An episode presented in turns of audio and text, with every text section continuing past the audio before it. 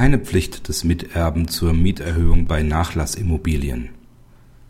Ein Miterbe, der als Geschäftsführer ohne Auftrag ein Mietgrundstück verwaltet, ist grundsätzlich nicht verpflichtet, gegenüber dem Mieter ein Mieterhöhungsverlangen auszusprechen. Er ist deshalb im Falle einer unterlassenen Mieterhöhung den anderen Miterben gegenüber nicht schadensersatzpflichtig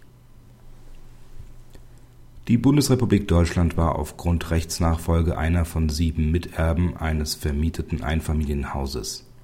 Die ortsansässige Gemeinde, welche für die Bundesrepublik Deutschland handelte, schloss im August 1995 mit der Beklagten einen Vertrag über die Verwaltung von Gemeindegrundstücken.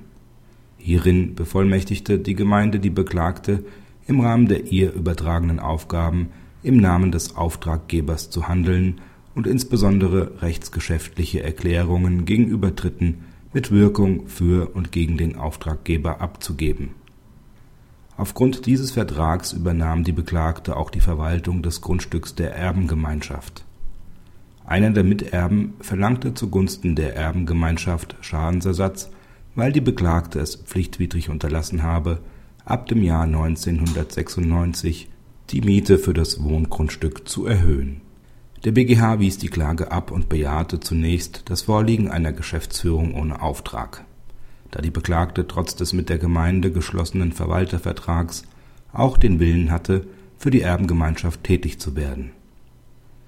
Nach 677 BGB hat der Geschäftsführer das Geschäft so zu führen, wie es das Interesse des Geschäftsherrn mit Rücksicht auf dessen wirklichen oder mutmaßlichen Willen erfordert Dabei obliegt ihm ein pflichtgemäßes Ermessen dahingehend, diejenigen Maßnahmen zu beurteilen, welche notwendig sind, um seine Tätigkeit ordnungsgemäß auszuführen. Die Geschäftsführung ohne Auftrag ist grundsätzlich auf die vorübergehende Wahrung der Interessen des Geschäftsherrn während einer Zeit gerichtet, in der dieser nicht in der Lage ist, das Geschäft selbst auszuführen oder Weisungen zu erteilen aus diesem grundsätzlich nur überbrückenden Charakter der Geschäftsführung ohne Auftrag folgt, dass sich der Geschäftsführer, der für den Eigentümer Mietgrundstücke verwaltet, regelmäßig in Ausübung seines pflichtgemäßen Ermessens darauf beschränken darf, die bestehenden Mietverhältnisse ordnungsgemäß abzuwickeln, insbesondere die Mieten zu vereinnahmen und die Mietsache in einem ordnungsgemäßen Zustand zu erhalten.